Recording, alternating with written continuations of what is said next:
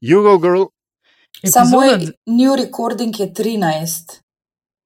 Kakšnih 13? Ja, zdaj. Številka imaš 13. 15. Pri meni voice memo je new recording številka 13. Ne vem, če je to zdaj sreča ali nesreča. To. Mislim, to valjda, da je nesreča.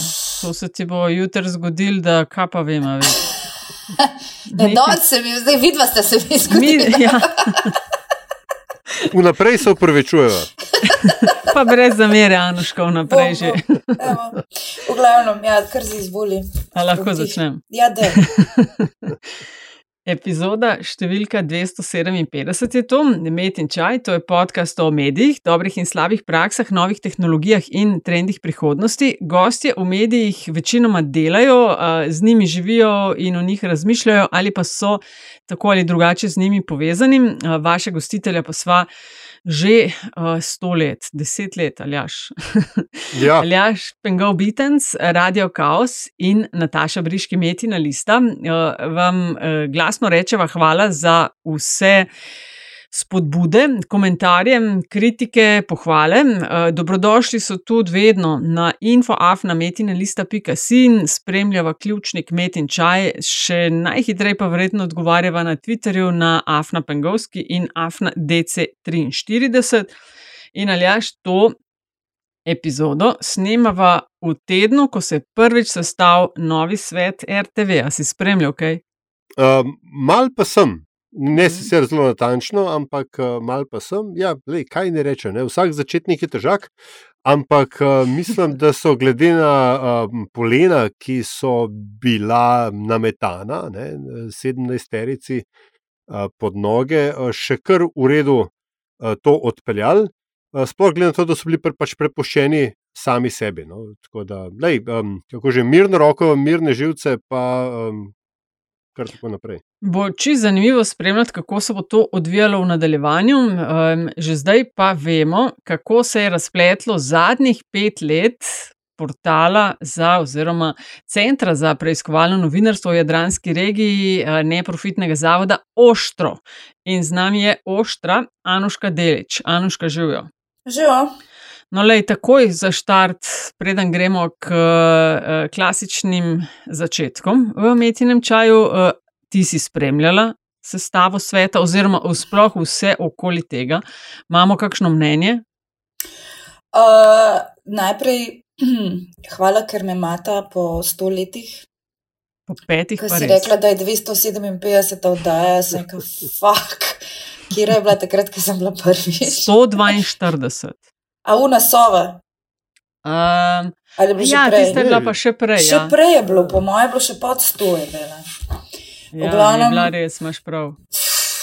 83. Številka 83, Panama Papersi, pa no, kazensko vidiš. preganjanje novinarjev, pazi to, številka 12. Ti si bila 12? prvič, Mhm, ja. mhm. O, mater, Upim. četrtič si verjetno najpogostejša gostja. Uh, ti si bila prvič 8. marca 2014. Ujebela sem, da imamo spucati pol to, imam protekcijo. Mislim, malo imam pretep, ki si formalno v konfliktu, v percepciji konflikta interesov, jaz pa Nataša, ker je članica sveta Uštra, ampak mogoče se že zdaj zmenimo, kdo bo bad cup, pa good, pa, good, good cup. sem A jaz česa ne vem, mogoče.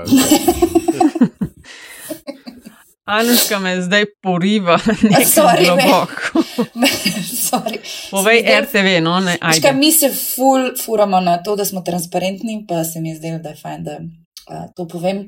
Ne, nažalost nisem spremljala, vem, da so vse sestali, ampak um, trenutno sem do grla in naprej v eni zgodbi, ki bi morala iti danes ven, pa bo šla naslednji teden.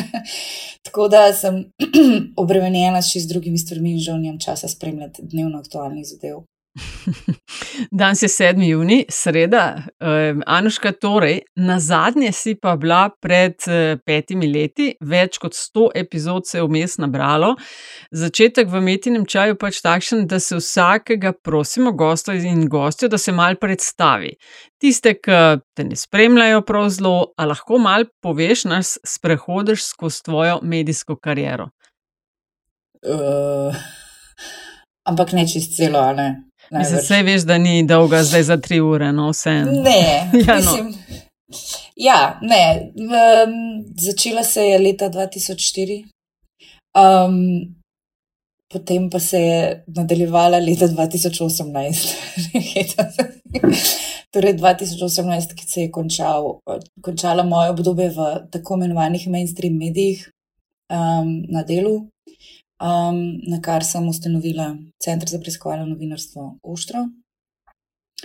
Um, kot en tak um, edinstven dvoglavi center, um, kjer imamo eno glavo, namreč še v Zagrebu, od leta 2021, ko je Oštro ustanovil Oštro v Zagrebu. Um, tako da sem trenutno mati številnih, torej dveh ekip um, imam številna delovna mesta um, in bi jih rada imela manj. Kaj, delo pa oštro, to je to. Ja, 13 let na delu, pa 5 let na oštru, predtem pa je ne, pa kaj je bilo eno leto na RTV Slovenija, TV Slovenija, Magnet, kultura. Mm -hmm. Magnet, to je tudi tako ena panorama. Ne, to je bilo 5 minut kulture na koncu dnevnika, če se spomniš. Ja, sej, vesel, mm, se spomnim. Ja, um, tako, ene ni bila panorama, sorry, ja, ne, malo sem počasna. Um, še zdaj le. Um, tako da. No, lej, načeloma se ukvarjam s preiskovalnim novinarstvom, um, podatkovnim novinarstvom, kadar imam čas, žal pa zadnje čase več časa posvetim um, ne novinarskim.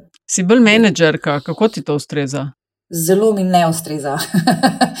ampak, ampak šta je tuje, moramo to zdaj izvoziti in pač jaz to vozim. Zakaj je bilo te pljušte, kot vsem ostalim, ki ugotovimo, da je za to, da se sploh lahko ukvarjamo z žurnalizmom, treba en kup enih stvari delati, ki s tem nimajo zveze, ampak jih je vsem treba narediti. Ja, mislim, meni tega noben ni povedal, no, da bom ustanovila center za preiskovalno novinarstvo, zato da bom lahko še naprej novinarka, ne pa da bom imela težave na delovnem mestu, zato ker sem novinarka. Um, ni, ni noben povedal, da da bom imela čas biti. Ampak še zmeri, kot rečeno, ukvarjam se zelo zgodbo, še zmeri urinem v ta svoj bolan urnik, um, tudi kakšno zgodbo ali pa dve, če se le da. -hmm. Se pravi, Januška, pred petimi leti si štartala ta projekt uh, s sodelavci, sodelavkami. Sama. sama, v redu, ampak mm. sama, zelo malo so se ti vsem pridružljeni, ker sam težko kaj narediš, ne verjetno. Ja, ja tam septembra, ja. potem januarja. Ja. A poveš, kaj se je lej, teh pet let, če bi jih mogla povzeti, kaj se je vse vmes zgodilo, kaj so bili ups and downs pot, ki ste jo, jo prehodili? Hmm. Ja, enkrat sem že to vprašal, nekje pozabila sem, kje, ampak v glavnem, glavna stvar je ta, da smo preživeli. Um, namreč tam enkrat zgodnji jeseni, konc poletja 2020, je zgledal, da ne bomo mogli preživeti, um, ker se nam je namreč sočasno. Um, tam konc zime, zgodila nova uh, vlada plus uh, COVID pandemija, zaradi katere so donatorji po vsem svetu začeli spreminjati svoje uh, strategije, programe in jih seveda tudi prilagajati novim potrebam, ki so se takrat pojavljale po uh, im, um, emergency, torej um, nujnemu financiranju. Um, mi smo pa gli zaključili prvo poslovno leto, celo, se pravi 2019, ker je bil ustanovljen konec marca 2018, se pravi 2019 je bilo prvo popolno, polno poslovno leto in um, ko se je Ministrstvo za kulturo tik pred nastopom naše vlade odločilo, da so naše vsebine, ki smo jih prijavili v projektu, citiram, neizvirne uh, in nam zato ni odobrilo financiranja, smo pravzaprav izgubili tik pred začetkom pandemije tretjino tretjino budžeta, vrednost približno tretjine budžeta prejšnjega leta. Um, in smo potem šest mesecev, v šestih mesecih, mislim, da predali 16 prošen razno raznih za denar. Um, na kar se je potem novembra so se začele v tem stvari obračati. No, in danes smo še vedno živi. Bravo, ja. trenutno, trenutno štejemo v Sloveniji skupaj študenti, um, 14 ljudi, um, in um, na Hrvaškem so še štirje. Tako da, uh, no, tisti je ločena pravna oseba, tudi tako da, ampak sem tu za zraven. Um, tako da to, no, to je bilo kar zajeban, pa pač tudi v bistvu ustanovitev Oštra v Zagrebu ni bila mači kašelj, ker namreč zgodila se je zaradi tega, ker, smo, ker sem dobila dostop do pandorinih dokumentov, ugotovila, da, da imamo noter dokumente, uh, ki pomenijo en ogromen follow-up za zgodbo, ki smo jo objavili manj kot eno leto prej. Um, in je bila Hrvaška v zvezi s pranjem denarja um, prek fake nakupov nepremičnin na Hrvaškem, um, ki so jo izvajali ljudje blizu Mihajla Perenčeviča, hrvaškega poslovneža, ki dela um, v Rusiji, kjer gradi um, pipeline, splinovode um, za Transneft, um, torej za državnega monopolista in ima tudi stike oziroma veze z, z vrhom uh, ruske, ruske oblasti, ruskih oblasti. Um, Skratka, in ta zgodba je bila zelo grdo cenzurirana na Hrvaškem in je nikakor nismo mogli objaviti nikjer. Takrat imeli smo dogovor s tremi nacionalnimi mediji, več mesecev naprej sklenjen pred objavo, da bodo zgodbo objavili, ampak v tednu dni pred objavo, potem ko so dobili um, povzetek, so vsi en za drugim uh, rekli, da ne. Um, potem smo to poskušali še prek drugih medijev spraviti, a v hrvaške medije ni šlo. No, skratka, potem smo dobili pač ta, jaz sem dobila dostop do Pandora Papers in gotovila, da pač bomo tam končno lahko dokazali, da je Jadranka, kdo hodi na uh, Mali Lošin, ve, da Jadranka DD obvladuje praktično kompletno turistično infrastrukturo na Malem Lošinju, da so v bistvu dejanski lastniki uh, tega, te Jadranke in še mnogo, mnogo drugih um, nepremičnin. Um, ta isti Mihajlo Perenčevič, uh, njegovi družinski člani in uh, člani družine Krešimirja Filipoviča, podpredsednika te iste ruske firme, ki gradi plinovode. Um, no, in ko smo to ugotovili, sem rekel, da pač nimamo drugega, da predčasno, pred našimi plani, ustanovimo Oštro v Zagrebu, um, ker se enostavno nismo hoteli um, tega projekta tako, da, da bi morali spet prositi na kolenih in računati na, na to, da hrvaški mediji, ki so bolj ali manj vsi interesno prevzeti. Tako kot v Srbiji, ali kaj? Tako, tako slaba situacija. Na ja, na Hrvaškem je slaba, ampak tudi mi gremo v tisto smer, tako da, če smo čisto iskreni, tako da vsi, vsem nam gre kar slabo, nismo pa še Srbija, nobeden od nas, hvala Bogu. Um, ampak, ja, vsi nočemo biti, ne, bej, smo hoteli biti enkrat mala Švica. Um, no, vse ne veš, kakšna je situacija v Švici. Ne, ja, no, vem, zato ker delam s kolegi po, po, po vsem svetu, tudi v Švici, in um, je mal boljša. No, tako. Mečkar. Skratka, tako. No. Uh, sam to sem hotel še do konca povedati, da pač v bistvu med tem, ko smo ena pa pol osebi pregledovali 9000 zadetkov, pardon, 8000 zadetkov v pandorinih dokumentih na Hrvaškem, sem hkrati še ustanavljala ta center, tako da je bil lansiran en teden pred objavo Pandorinih dokumentov. Um, tako da to so bili recimo eni taki downs, ki si me vprašala, uh -huh, o apps uh. -huh. bomo zihar še govorili, tako da ne bom zdaj oduzemala časa ali jažo, ki se hoče oglasiti. ne, grote sem samo to vprašati. Um, Center za preiskovalno novinarstvo v Jadranski regiji. Po, en, po eni strani se to sliši zelo korporativno, a veš, a, a, ja. um, kaže Central Europe and Adriatic, ne znam, Microsoft ali nekaj, nekaj tasga. Ne? Po drugi strani pa, skratka, a je Jadranska regija tako zelo, no, ok, prvič, kaj je v Jadranski regiji, ne? to je eno, in drugič, a je to tako specifično okolje, da se ga da tudi po, kaj temu reči, praksah, ne, v, teh, v tem ali onem pomenu besede, ločiti od um, vem, drugih praks, um, kor, korupcije um, in podobnih uh, nepoštenih uh, delovanj, uh, da bi pač, veš, drugot po Evropi ali, ali po svetu. Hmm, torej, najprej moram Natašo popraviti, ker je rekla, da sem oštra. Um, čeprav oštro v hrvaščini pomeni oster. Um, v resnici ostro v primeru našega centra pomeni uh, veter, ki piha z juga v Jadranskem morju. To sem pa vedel, to sem pa vedel. To sem tudi jaz vedel, da je to vse.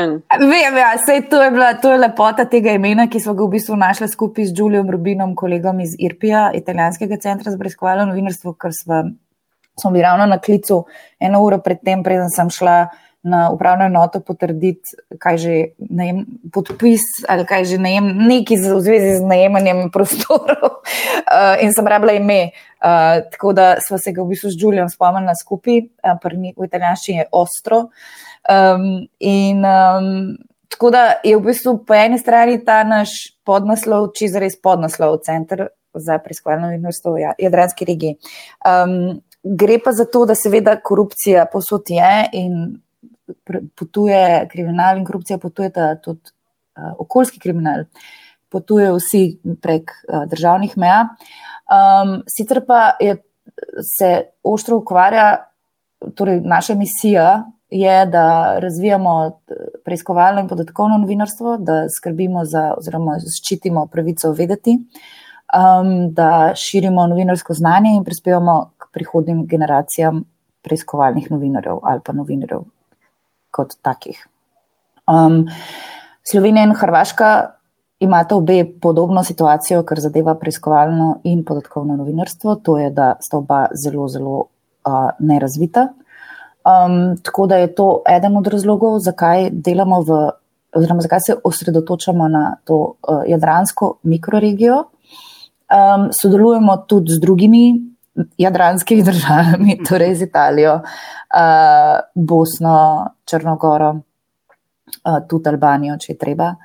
Um, zaradi tega, ker sem pač to, na ta oštro prišla z res um, kar precejšno mrežo kolegov posod po svetu, pač lahko pokličemo kogarkoli v Jadranski regiji, če rabimo pomoč. Sicer se pa ta čas fokusiramo zlasti na Slovenijo in pač na Hrvaško um, in delamo na tem, da pač razvijamo in uveljavljamo preiskovalno in podatkovno novinarstvo. Pet let je oštra. Ena, eden od projektov je tudi, eh, ki ste ga z danes je na dan, če se ne motim, obljuba dela dolg. Uh -huh. Sem si prav zapomnila. Okay. Ja, no, in te dni smo uh, v narekovaju. To sta dva zdaj že sicer. Ampak ti misliš vredno? Jaz mislim točno obljuba dela dolga. Sta dve obljubi delajo dolg. Ne, ne, um, tudi detektor premoženja, ki smo ga ja. objavili, je, eh, je delo danes in dan, ampak nismo bili pa uradno partnerji na projektu, to pa res. Um, ja. Obljuba dela dolg pa res delamo že kar nekaj časa, dve leti. Tako in zdaj smo te dni, je minilo prvo leto nove vlade pod taktirko Roberta Goloba. Kaj ste izmerili? kaj kaže eno leto potem. Od, obljub, od obljub so koliko dali. Ja, zdaj tako. Um, najprej moram povedati, da ta projekt vodi Matej Cvitar, naš urednik, um, in da mi je pripravil zelo prijazno uh, neke izvlečke. Tako da jaz čisto vsega ne vem, če me boste kakšno preveč podrobno vprašanje sprašvala, mogoče ne bom imela odgovora takoj. Um, um, sicer pa. Uh, mi spremljamo obljube, ki jih je zdaj ta koalicija, prej una koalicija, um, upisala v, uh, zapisala v koalicijsko pogodbo. In v bistvu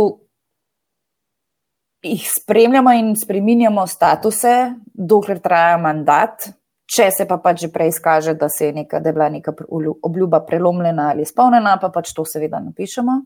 Ampak doskrat se pač te stvari vlečejo čez mandat in potem na koncu mandata damo končno oceno obljubam, ki niso, bile, ki niso dobile končne ocene med mandatom, sem to za pojasnilo. Sicer pa trenutno uh, ta vlada po naših ugotovitvah, torej po ugotovitvah projekta obljuba dela dolg, um, je bila izpolnjena samo ena obljuba do zdaj in to je dvig minimalne plače. Ena od kolikih? Vidiš, to je ne. Meni se zdi, da je 33. Okay. Malo sem se zmedla, tega, ker smo jih imeli več kot 200 na začetku. Potem smo naredili en uh, oži izbor, na kar smo dali obljube v um, glasovanje civilni družbi, nevladnim organizacijam, novinarjem, interesnim združenjem, kdorkoli hoče odgovarjati. In potem smo iz tega naredili izbor. Ampak meni se zdi, da je 33. Je 33, potrjujem, sem našla. Oh, hvala, Nataša. Hvala. Skratka, največ se dogaja na področju zdravstva. V izvajanju je reforma zdravstvenega zavarovanja, zakon je že vložen v državni zbor, uvedba enotnega informacijskega sistema v zdravstvu je v vladnem postopku. Uh, ni se pa še ni, uh, nič zgodilo na področju prepovedi popodanskega dela zdravnikov pri zasebnikih, so, kar so tudi obljubili. Pri davčni pokojninski reformi ni vidnega napredka. Um, pri vzpostavitvi sistema dolgotrajne oskrbe se dolgo ni zgodilo nič, v zadnjem mesecu se je začelo premikati. Um, stanovanska reforma, čakamo nov stanovanski zakon, ki je načrtovan do prihodnega leta.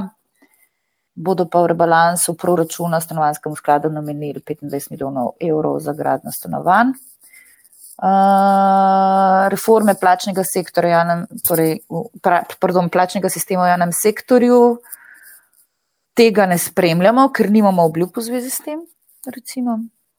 Uh, potem je pa še vrsta razdrobljenih obljub, ki ne spadajo k nobeni večji reformi, rezultati so mešani. Um, na področju trga dela so naprimer obljubili omejitev prekarnosti in možnost 30-urnega delovnika, kar so predlagali socialnim partnerjem, zdaj pa čakajo, da se oni pogajajo na ESS in še ni nobenega zaključka. Um, kaj je še zanimivo? Ja, in vse, šolstvo, vse, to, vse to na obljubo dela dolg, pika si. Se pravi, uh, tako je. No, zdaj, ja. Kar nas pripelje do drugega uh, um, vidika, oštra ne, in, in njegovih petih let, um, se, se pravčujem za nogometno vprašanje, ne, ampak uh, uh, kako pa publika sprejema vaše delo? Ful dobr. Um, čak bom med tem pogledala na. Um, ampak, ko smo dali peto poročilo ven, mislim, da smo imeli milijon šeststo unik uh, userjev vse skupaj v petih letih, tako da kar v redu, ja, kar se tega tiče. Ampak tudi, tudi v, v smislu vašega, veš, za začetku se je rekla, je radikalno transparentni in tako dalje. Vi imate kaj ja. javne uredniške sestanke? Ne? Ja, imamo A, javne uredniške stvari. No, sestanke, no, imamo de, lasten kodeks, objavljamo financiranje, vse podatke in vire. Kako te uredniški sestanki izgledajo in, in kaj domnevam, da ne, ker si, ker je vendarle si Januška delič, ne, da, da, da to ni samo zgolj neka, kaj je to, transparency washing, ne, nekaj, da bi lepo izgledal, ampak da ima to svoj smisel in namen. Ne. Ja, ne vem, kaj si mislil s tem, ker si Anuška delič, mislim, sama. Ampak... Ja, pač, uh, uh, Nisi znana po, nek, po nekom, ki bi, ki bi se samo uh, ukvarjal s tem. Ki bi se zadržano komuniciral. Tako, tako. tako. Hvala, hvala. Ja, tako, ja, Ja, ne, niso, te sestanke niso namenjeni zdržanemu komuniciranju. Mm, javni uredniški sestanki so v resnici namenjeni temu, da poskušamo vzpostaviti nek. Um, Prosti, vsak dan govorim tri jezike, in potem včasih uh, tu je, da se sam trenutek. Yeah, welcome to my world. ja, ja, se ti tudi. Ja. Da spostavimo en tak iskren, konstruktiven, odprt dialog z bravci, Uh, ker se mi zdi, da smo mediji, bralce, zreducirali na, na eno tako pasivno gmoto, ki nekaj teži. Um, v resnici pa jim ne damo zres um, prave priložnosti, um, da stopijo v neko diskusijo z nami. Tako da mi imamo te javno uredniške sestanke, do zdaj smo jih imeli žal samo v Ljubljani, ampak namen je jih seliti tudi um, v druge kraje. Um, in če se le da, če ni pandemije, če, ni, če ne ščije ali pa sneži, potem imamo sestanke zunaj, tudi po zim smo ga imeli, samo smo imeli gobe. Um, torej, uh, mislim, ne une gobe, ampak te gobe grele. Ja, uh, okay. Tiste so, a ja, a ne. Ne, ne, unih ne, pred sestankom ne. Um, glavnem, in, uh, in imamo tudi mikrofone, se pravi, da nas čisto vsi lahko slišijo, kaj se pogovarjamo. In ker doskrat ljudje vehajo zraven, jih potem tudi aktivno vabimo, da prisedajo in se pogovarjajo z nami.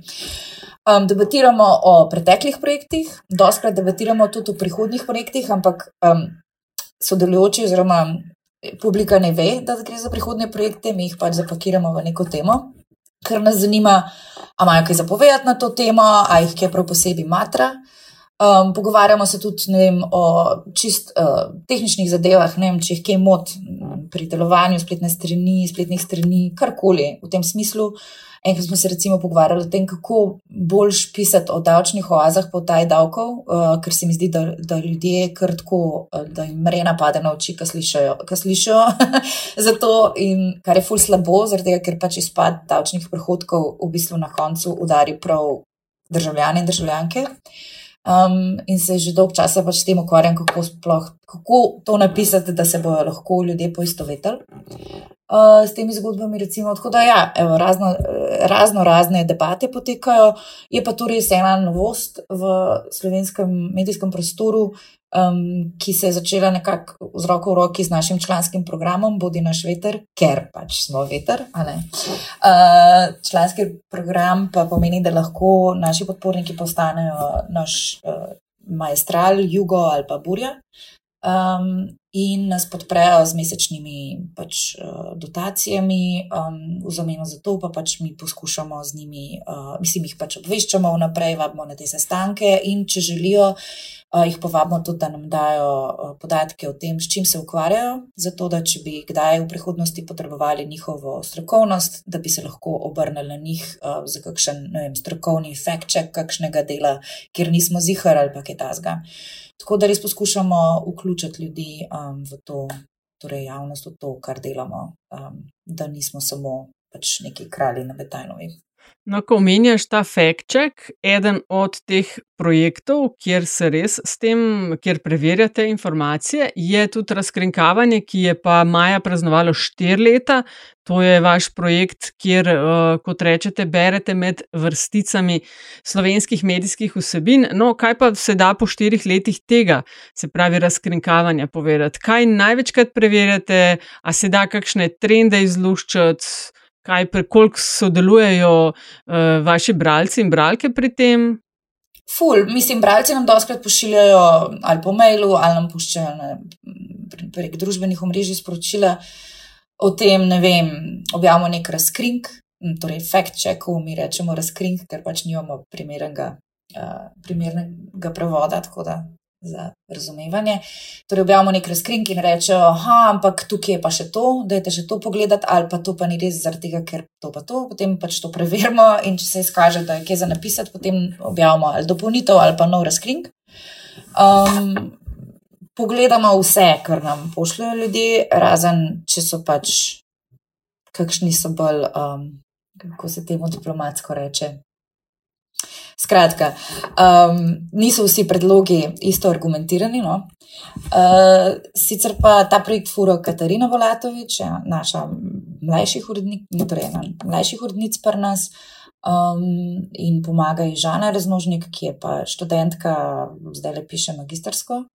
Um, je ena naših starejših torej študentov, ki je pri nas že kar nekaj časa in je v bistvu začela na razkrinkavanju, se pravi, pisala je razkrinke, uh, um, zdaj v ne, nekem doglednem času uh, bo pa tudi prevzela uh, urednikovanje, ker uh, razkrigavanje je naš inkubator za uh, preiskovalne novinarje skozi to.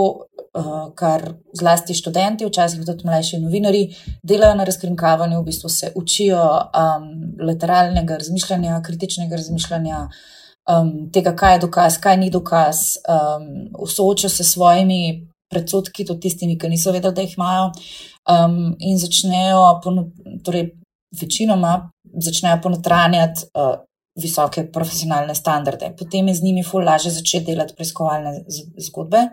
Tako da, ko se izkažejo, ko vidimo, da imajo tudi željo, da grizajo, potem, no, grizajo v narekovajih, v enem trenutku potem začnemo z njimi delati tudi na preiskovalnih zgodbah, jih vključimo v preiskovalne projekte ali pa začnejo delati sami svoje zgodbe. Um, recimo, Žana je en tak primer, tudi samo, Demšar je en tak primer, Katarina je tudi zrasla no, skozi to razkrinkavanje. Um, tako da, uh, kaj pa, se... če vprašali si me še kaj pra, največkrat?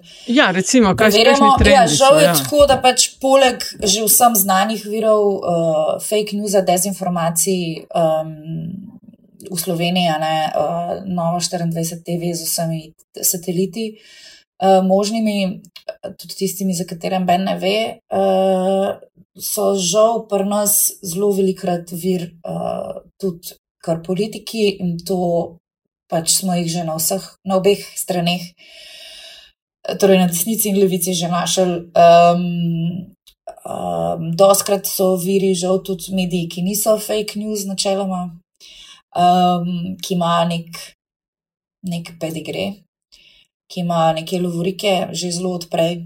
Um, tako da, mislim, nismo pa tle nek unikum, pač to zdaj se dogaja v vseh državah. Um, Kar je razlika, recimo, za enkrat, je, je ta, da nismo tako kot Vučić, pa Informer, recimo v Srbiji uh, ne, in drugi tabloidi, um, ki pač dobesedno delajo v, medijske umore novinarjev, ki, ki se ukvarjajo z Vučićem in njegovimi številnimi podporniki v nad in podzemlju. Tako da. Um, uh, To, no. No, Delamo to... svašta v bistvu na tem razkrinkavanju, ampak ja, to so najbolj ključne.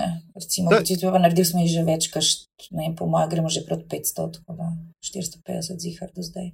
Glej, ko si omenila mentorstvo, ne, pa, pa vzgajanje lastnih kadrov, le sem večkrat zastrigel za šest, ker se mi zdi, si. da je. Ja, sem, sem to, to znam drugače, to ti lahko kažem enkrat.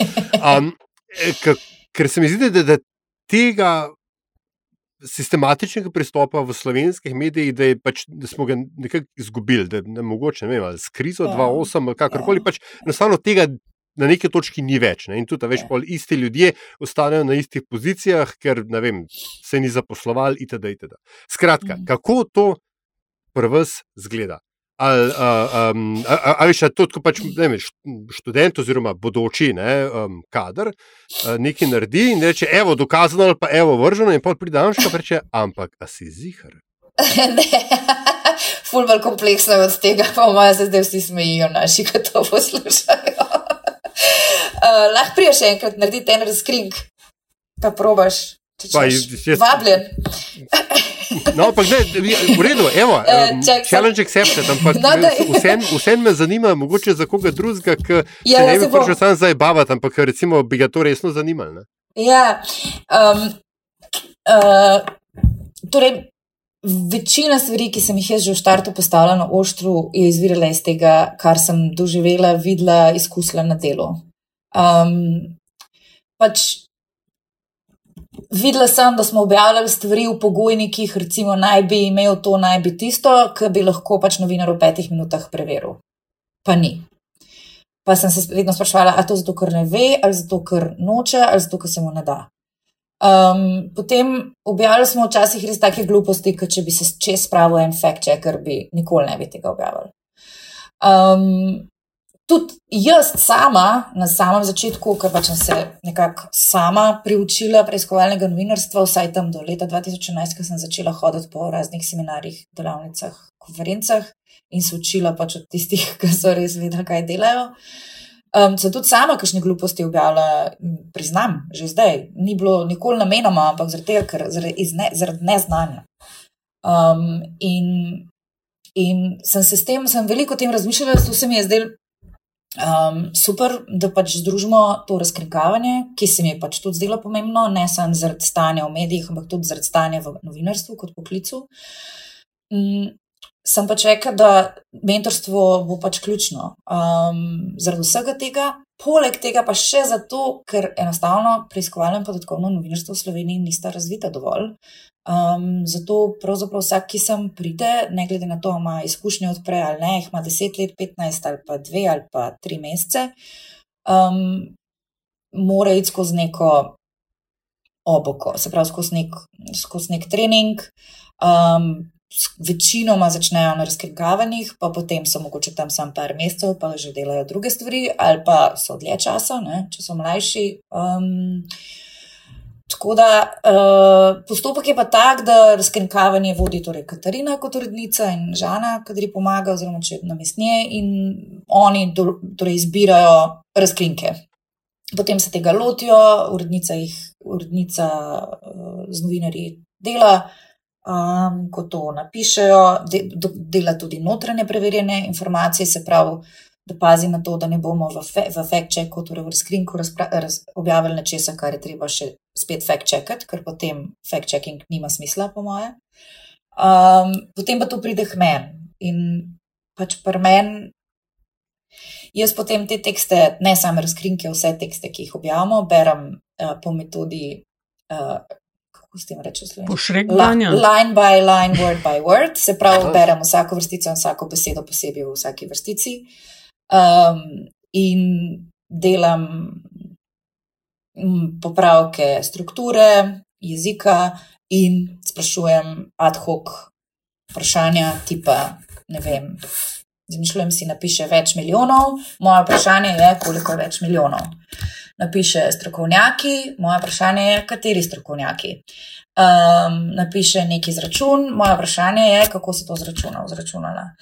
Um, se pravi, to preverjamo, to mislim, delamo v, v Google Docsih, kjer si puščamo pač komentarje in to, da se vse vidi, kaj kdo dela, da se lahko potem tudi uh, novinari iz tega učijo. In potem gre članek nazaj k novinarju in urednici, delate na njemu in gre spet k meni. In tako naprej pa nazaj. Trenutno smo na povprečju približno treh branj za razkrinke, um, bili smo pa že veliko hujš, tako da tri je že super. Uh, delam na tem, zdaj, da pridemo na ena do dve brani. Um, preiskovalne zgodbe pa berem večkrat. Pa, hm. Seveda je bran več, kot si sama omenila, ker tudi znotraj tega projekta razkrinkavanje učite nove generacije novinarjev in novinark, podatkovnih eh, preiskovalcev, razkrinkavanja in podobnega. Ne. Eh, kako ste si to zadala? To je kakšen koncept, eh, spodbujate to, kako se vam lahko recimo ljudje pridružijo, oziroma kaj zahtevate ali pa hočete, da znajo v prvi fazi, ali lahko pride nekdo, ki bi rad delal in ga vi učite od začetka. Uh, ja, zdaj tako, mi imamo sicer nek dogovor s FDV-jem, da kadar, imajo, kadar so otroci, uh, pardon, študenti, se prečujem, odločajo za vse moje, tle kričem otroci, prosti. Uh, pa pa mi vidi. Skratka, um, ko se študenti odločajo za prakso, imajo pač možnost, da pridejo tudi na uštro, ampak zadnje leta bolj slabo hodijo, sami od sebe, potem pa, ko damo v glas, da iščemo študente, se jih pa fulo glasi. Um, potem pa je pač. Dobijo neko nalogo za delati, um, da vidimo, malo, kako razmišljajo, um, potem se pa pač pogovorimo z njimi, s tistimi, ki se pač nekako pri, grejo v oži izbor in potem naredimo izbor. Tako da jih kar pred uh, kaj, enim mesecem, pol nekaj tasga, ste se nam trije nove pridružili. No. Um, Ko, včasih pa, ne vem, recimo Matej Cviter je tudi v bistvu začel bolj na razkrinkavanjih, malo je tudi zgodbe delu, ker je imel že odprej z radio študent, dosti izkušen, um, ne, ampak uh, njega smo mi povabili, uh, ne, ni se ni bil glas, ampak tako da večino, pa kar se študentov tiče, pa lahko, lahko so tudi z drugih smeri, če pač demonstrirajo neko dejansko željo potem, da se hoče ukvarjati z novinarstvom, ne da zdaj ne vem, nekaj študirajo, pa bomo malo pogledali. Sem lahko tudi, ne, vse tudi take bi lahko vzeli, če so ful talentirani, ampak bomo vedeli, da bojo sam par mesecev prnose. Drugač pa um, namen tega našega programa je, da na eni strani vzgajamo svoje lastne kadre, ne, zato ker jih pač žal ni v, v Sloveniji, tako da si jih moramo sami vzgojiti, po drugi strani pa prispevamo tudi k vzgoji novinarjev drugih medijev, ne, zato ker pač naši študenti potem kakšni grejo na kak drug medij, ampak tja grejo s full več znanja um, in predvsem z nekim zavedanjem o profesionalnih standardih, mm. kar se mi zdi ful vredno. Zakaj um, misliš, da je tega ful ni, ker si tako že parkrat omenila, kakšna suša je na tem področju, ker se konc koncev je to pravzaprav osnova novinarskega dela, preverjanje informacij. Ja, se to je, ker zdaj v bistvu tako, da pravzaprav minimalne preiskovalne sposobnosti bi morale biti pač v bistvu del arzenala vsakega novinarja, ne glede na to, s, s čim, s katerim področjem ali pa s, kakšnim, s kakšno vrsto novinarstva se ukvarja. Zato, ker živimo v obdobju lažnega izobilja informacij in, in pač eh, fulje različnih interesnih skupin, vidnih in nevidnih, ki poskušajo vplivati na to, uh, kaj objavljajo novinari, um, tudi podtikan, Um, in uh, se mi zdi ful pomembno, da imajo novinari vsaj neke osnovne uh, preiskovalne sposobnosti, da, da znajo hitro nekaj preveriti. Sicer pa se bojim, da se je pri nas razpaslo kvazi preiskovalno novinarstvo, že moram temu tako reči, um, ki se, mislim, v angliščini je ful lepši izraz leak journalism. Ki pa ne pomeni pač te liki, ki mi dobimo 12 milijonov dokumentov, zato tam mi dejansko delamo, ki zmešani, zato da pridemo do ene zgodbe. Uh, Um, Pri nas je uveljavilo tako imenovano preiskovalno novinarstvo, kjer pač je že iz par, prvih nekaj odstavkov jasno, da je pač nekdo novinarju nekaj prenesel, novinar je to prebral, poklical tri ljudi, naredil master naslov in zdaj je to preiskovalna zgodba, in naslednji dan bo še ena, in naslednji dan še ena. Temu se um, reče zlati prinašalci, veš, po slovensko. Hvala. No, vidiš, čist sem out in tega nisem vedela. Hvala. Zdaj bom, mi je ful le, le, lepš pri srcu, ker ne, mi ni treba uporabljati grdega pojma kvazi preiskovalno novinarstvo, ker se mi zdi, da je ful tako tendencijozno. Pa razkrivaško se mu tudi reče. Ne? Ah, hvala, ta je pa še lepša. No, no vidiš. Kaj bi zbrala? Lej, sam praš. No, Učni gur na metini listi še ne delamo. Zato, zato pa si v svetu. Ne, Aha, je. ne. ja, no, vidiš. Da, anyway, je obe potomku, da so potomkari. Ampak zdaj očitno, da je Aljaš bad cop. ja, veš, ja, en mora biti. Ne, ti kar vod, vod, meni ja, to dobro. No, prav. um, oh, oh, oh. Ko si rekla, da bi morali biti uh, te osnovne preiskovalne sposobnosti v bistvu tak basic skill set ne, vsakega ja. slovenskega ali pa novinarja na splošno. Ja, za, recimo za slovenske razmere, kaj so tista orodja, um, ne vem, baze podatkov ali pa karkoli, nekaj, kar bi moral vsak ne, novinar znati uporabljati. Ko se loti teh stvari, kaj, kaj recimo je, ne vem, na pamet rečem, tri ali pa pet uh, sajtov ali pa, ali pa domačih, ki jih moral znati uporabljati. Vse, karkoli. Tisti, ki bi okay. veš, ja, tako. Ja, zemljiško knjigo v nulo, e-prostor v nulo, poslovne registre, letna poročila, um, tuje poslovne registre. Ne pozabite, da je veliko, veliko informacij tudi o slovenskih zadevah, državljanih, subjektih na voljo v drugih državah in slovenski novinari to ful premalo izkoriščajo. Um, potem fajn je znati delati predvsem varno, digitalna varnost pri delu je v Sloveniji tudi zelo nizka. Um, hvala Bogu, zdaj vsaj veliko uporabljajo signal, ampak to ni dovolj. Um, potem pa pač fajn je znati to delati s podatki. Se pravi, recimo nekje srednje dobro znanje Excela ali pa sorodnih uh, podatkov, uh, pardon, uh, programov za, za, za delanje s podatki. Potem, pa, smo, potem so pa še kakšni začiščeni ali open refine, ampak to je že malce preveč advanced. Recimo, tam nekje so to, so nekje, se pravi, digitalna varnost, minimalno Excel um, in pa pač te osnovne baze. Pa fajn je znati srčati po Googlu še drugače, kot sam tako, da pač upišeš neki pogledaš, če je na prvih petih stranih. In to praviš, da je zelo šloh uh, pri nas v Sloveniji, tvoje opažanje? Mislim, jaz ne vem, ker ne sedim z njimi v uredništvih, jaz presojam samo na podlagi tega, kar objavljamo. Mm. In mislim, da pač je v teh zgodbah, ki so objavljene v člankih, v poročanju, full enih um, mesta, ki bi se dal bolj delati. Izgubljenih priložnosti. Mm. Um, v bistvu, ki bi lahko novinar, ki bi mogoče v novinarju vzeli na en par ur dodatnih, pa bi imel ful boljšo zgodbo in ful bolj uh, podprto z argumenti, z podatki, z nečem. Um, tako no. Sem pa videla, da, si, da ste to, da torej ta uh, pogled v drobovja teh raznih e-prostor, zemljiške knjige in podobno uh, izkoriščate v okviru projekta, ki je pa eden zadnjih vaših in to je detektor premoženja. Uh mhm. -huh. Torej, detektor premoženja, da povej, zakaj gre in kaj delate, pa kako se kaj razpleta. Ja, tle moram spet ful pohvaliti nekoga, to je Klaro Škrinjar, ki je v Sloveniji vod projekt. Um, delamo ga tudi na Hrvaškem, tako da objavili smo ga sočasno v obeh centrih, tam ga vodi Mašinka Bačič. Um, jaz pa pač kot mati Uber Ales sem tle gor bolj uh, usmerjala stvari, no, um, pa danes je na dan je, je naredil um, back-end, front-end, mašoni design. Uh, Skratka, delali smo devet mesecev, zato da smo, imeli, da smo objavili to, te prve podatke, ki smo jih lahko dobili, in sicer v prvi fazi smo se osredotočili na uh, ministre in ministrice. Prihaja faza jesen, o kateri ne morem govoriti, in prihaja še faza 2024, o kateri tudi ne morem govoriti, ampak delamo naprej, prav ta trenutek ljudje delajo, vem, da zaključujejo nekaj, kar bi mogli že do danes ali do jutra zaključiti za, ta, za to naslednjo fazo.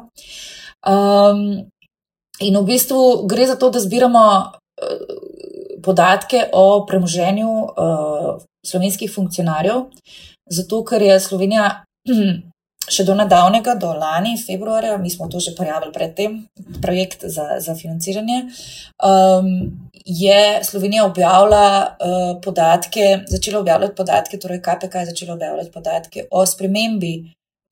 O spremembah premoženja v času mandata. Ampak zakon o, o integriteti in preprečevanju korupcije to do, določa že od leta 2012. Torej, deset let niso objavljali nič, potem so začeli objavljati, kar objavljajo, in to je praktično nič. Ker če pač nek slovenski, ne vem, zmišljujem si, minister ta in ta dobi. Vzame posojilo 100 tisoč evrov, tega ne bomo zvedeli, ampak bo tam pisalo, da je dobil posojilo. Če ga bo odplačal, bo pisalo, da ga je odplačal in nič drugega. Pri nepremičninah piše včasih samo zemljiška parcela, samo hiša, samo stanovanje, nekje piše, je nekaj več podatkov. Skratka, ta objava je v bistvu sama sebi namen. Um, in to zato, ker se pravzaprav Ministrstvo za pravosodje, informacijski pooblaščenec in uh, KPK ne morejo zmeniti, oziroma bolj IP in ministrstvo. Uh, tako da to na uni strani še poteka. Mi smo se pa pač odločili, da bomo naredili svojo, torej za javnost, naredili bazo premoženja. Um, in ker pri nas ni bilo nobenih podatkov na voljo, na Hrvaškem, mimo grede, so tam so uh, premoženske kartice objavljene v celoti, tudi za nazaj. Um, smo pač štartali z nule, praktično zgolj seznamom funkcionarjev, um, njihovih naslovov, potem smo iskali njihove družinske člane, Uh, in ko smo vse to preverili notranje, smo začeli torej, povezave, da je nekdo res mama, oče, whatever, od nekega funkcionarja, smo potem šli iskati še njihove, uh, njihovo premoženje, ki pač smo ga iskali z omejenimi sposobnostmi, ki jih imamo, smo pa res v nulo izkoristili čisto vse, kar nam je padalo na pamet, uh, da bi lahko pogledali, če ima kdo kje kaj. Um, to ne pomeni, da smo zbrali vse, niti podrazno. Mi aktivno zbiramo podatke in izkoriščam to priložnost za to, da prosim poslušalce in poslušalke, da če veste zakaj, um, da nam to javite na detektor premoženja aftna.oštro.si. Um, ker bomo to preverili in pridobili primarne dokumente. Če bomo lahko to potrdili s primarnimi dokumenti, potem bomo to tudi objavili v bazi. Delamo pa to zaradi tega, ker želimo prispevati k preprečevanju. Na robe si stran povedala, sam to, da te informiram. Ni ne, e-mail, e-mail za sporočati informacije je detektor premoženja afnaostro.si. Aha. Stran je pa detektor premoženja pri Pikasetu. Ja, pa če sem ena stvar, uh, mogoče ne bi bilo slabo, da bi bilo tako iz vaše spletne strani to razvidno, detektor premoženja, ker sicer najdeš pod zgodbe ene stvari. Ampak... Aha, to je zato, ker je. Aha, hvala. Um, Kdo je zdaj klebet, ko je bila? Ne, se je prav, Moram... ne, to je super. Ne, torej, um, detektor premoženja smo objavili na, splet, na samostojnem spletnem, spletnem mestu detektor premoženja Pikasi. Če greš na oštro Pikasi, sem pa ravno danes razmišljala in to bom danes v uredniški sestank povedala, da nam manjka med projekti. Um, Kaj greš tukaj, imamo zadnji projekt sledilnik ruskega premoženja, bi pa mogel biti v bistvu detektor premoženja. No, tole si mislim, ta projekt ja. detektor premoženja, ker smo slovenci, koliko kdo ima, s kakšnim avtom se vozi, ima dve hiši ali pet hiš, tudi zadnja predsedniška kampanja je pokazala, da, da imamo mal klele mehke noge. Uh, a so že tako vprašanja, kdo ima največ, že išče? Ne, ne, ne, ne, ne. Ful, mi smo se ful bali tega. Ja, se to. Ogromno smo se ukvarjali s tem, da bomo res, res, ogromno smo se pogovarjali in ogromno smo se ukvarjali s tem, tudi pravno smo se posvetovali o tem, kako stvari objaviti, da bomo ultrapropisni. Ker ne gre za to, da mi dajemo slovenski javnosti urodje za to, da se bodo naslajali, ampak gre za to, da prispevamo k, k preprečevanju korupcije, konfliktov interesov in morebitnega posebnega okoriščanja Um, in um, v bistvu na nek način to delamo na mest pristojnih organov, ker vsaj po, po naši oceni pač to, kar je zdaj objavljeno, to, kar je pri nas javno. Um, in moram podariti, da je pač uh, javnost premoženja funkcionarjev eno od, eno od orodij za, za, za v bistvu boj proti korupciji. Uh, je, za, je po naši oceni pač ta naše stanje, že prej je bilo katastrofalno, zato smo tudi pravzaprav začeli ta projekt, oziroma mimo grede, jaz sem denar za ta projekt poskušala dobiti prvič že leta 2019. Um, torej, štiri leta smo rabili, da smo ga lahko porinili ven. Uh, In tudi zato, v bistvu, tukaj, tukaj izvira ideja. Zato, ker je pač res stanje bilo zelo katastrofalno, zdaj pa pač sam kozmetika s tem seznamom, ki ga objavlja KPK, in to je tudi slabo. Um, tako da temu je namenjen detektor premoženja. In uh, že, torej, želimo, da je urodje, ki ga bodo lahko uporabljali NGO-ji, civilne organizacije, kdorkoli, javnost, novinari, uh, zato da bomo vsi skupaj prispevali k temu, da bomo živeli v, bolj, uh, v manj koruptivni državi. Moramo pa vedeti, da smo v zelo mehki državi in da je korupcija tukaj pravzaprav zelo velik, hkrati je pa zelo dobro skrita, ker pač vsi drug drugega za kravato držijo, oziroma pardon, za obratnik držijo. Praviš, uh, korupcija je velika in da je dobro skrita. Ja, ja, to je moja ocena. Um, in mi bomo, mi smo pač, mi delujemo v javnem interesu, zasledujemo zgodbo v javnem interesu, izključno v javnem interesu, in zato pač bomo preiskali kakršne koli indice uh, o tem, uh, kadar, mislim, da je sploh ni debate. Učinek tega projekta se je zgodil že pred objavo. Uh, zato, ker je šest ministrstv, če se ne motim, zaradi naših poizvedb ugotovilo, da v bistvu KPK niso prijavili podjetij, uh, ki jih mora KPK uvrstiti na seznam podjetij z omitvijo poslovanja z javnim sektorjem. Um, nekateri so, so, so šli spremenjati tudi svoje premoženske kartice in tako naprej. Skratka, ta, uči, ta, ta projekt že ima učinek in upam, da ga bo imel tudi v prihodnje, ko bomo dodajali nove in nove podatke na platformo, zdaj pa izvolili. Ja, Ko pride mail ne, od oštra, reče: ošit, oh, deliš spet sprašuje fakt. Upam, da ne. No. no, ampak, glej, a, zdaj, ki to imamo, ki ste to naredili, a, priznam, ne, da je detektor prenosene, pika si jako lično urejena spletna stran, oziroma spletni projekt, ker ravno kar klik, klikam a, po njem. Ali so po tvoji oceni slovenski politiki, oziroma mimo zaenkrat imate tukaj ministre vlade. A, Roberta Goloba ne, in, in Goloba osebno. A so to bogati ljudje? Pa ne preveč. No. Kdo ima najboljši avto? Spet, ja, ne, avtomobili so sploh problema. Mislim, Marija Šarc ima lado nivo. Ne, da...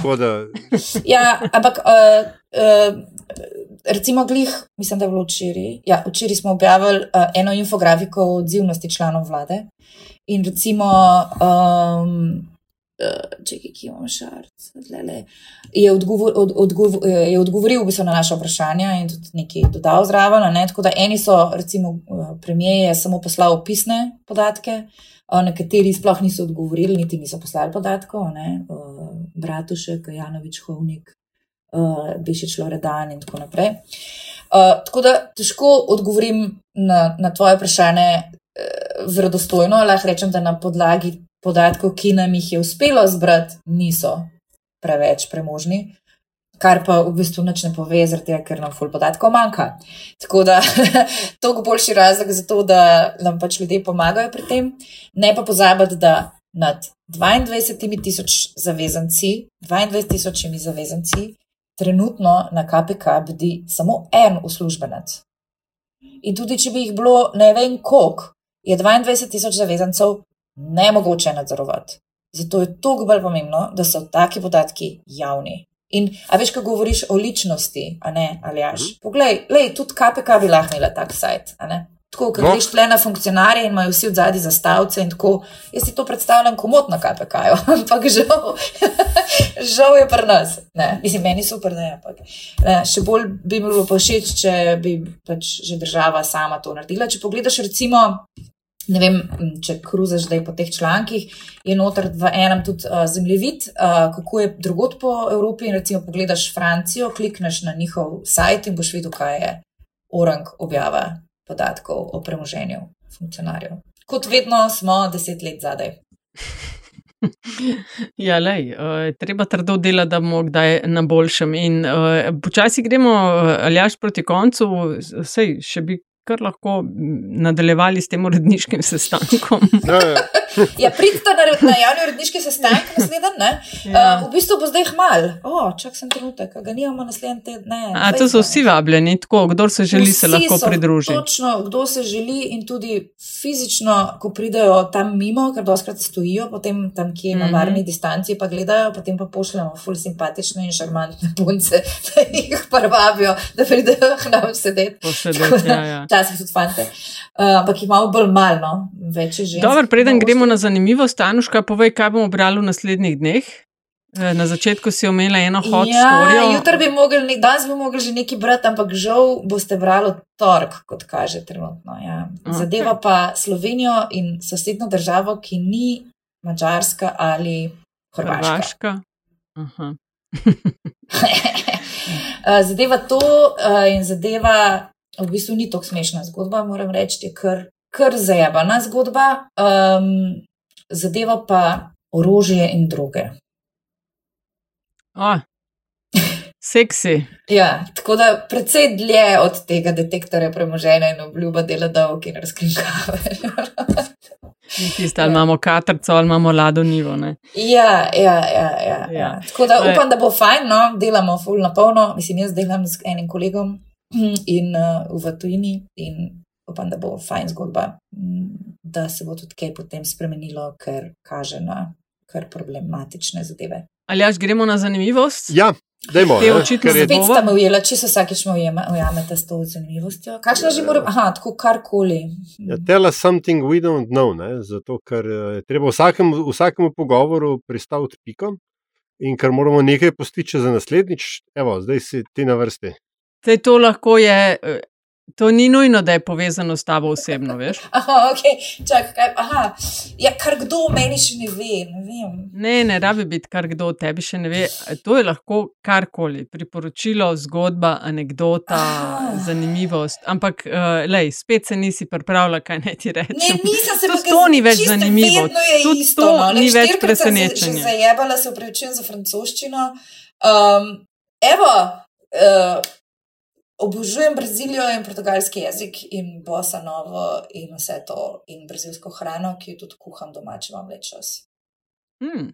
No, vidiš, kakšen recept bi in lahko podelil? Brazilija nastopa tudi v zgodbi, ki prihaja v, v torek. Mislim, vidiš, kakšen recept, da naslednjič kakšen brazilski recept podeli. Mukeka bajana. No, link pošelj. Se bova navabila na kosilo, ja? ja, mokeko najraž kuham, to je ena taka brazilska ribja čorba, skupaj s farofo. Anuška Delič, šefica ja. Oštra, najlepša hvala, da si bila gostja metinega čaja. Hvala tudi vama, da sem bila že četrtič, tako da glede na to, da sem, kot si na hitro izračunala, med najpogostejšimi gosti, Um, pričakujem, da se naslednjič slišimo čez deset let, torej Oštrova 15. obletnica. Ja, recimo, lej. Ne, ne vem, zdaj določaj, da boš prišel. Če boš živi, no, mislim tako. Anuška, gledaj, ful, hvala, hvala za, ful, za tvoj ful, čas. Hvala lepa vama in vsem tistim, ki so poslušali do konca. Pozdrav tudi ekipi. Ne? Bom, uh, ful, bom lepo pozdravljen.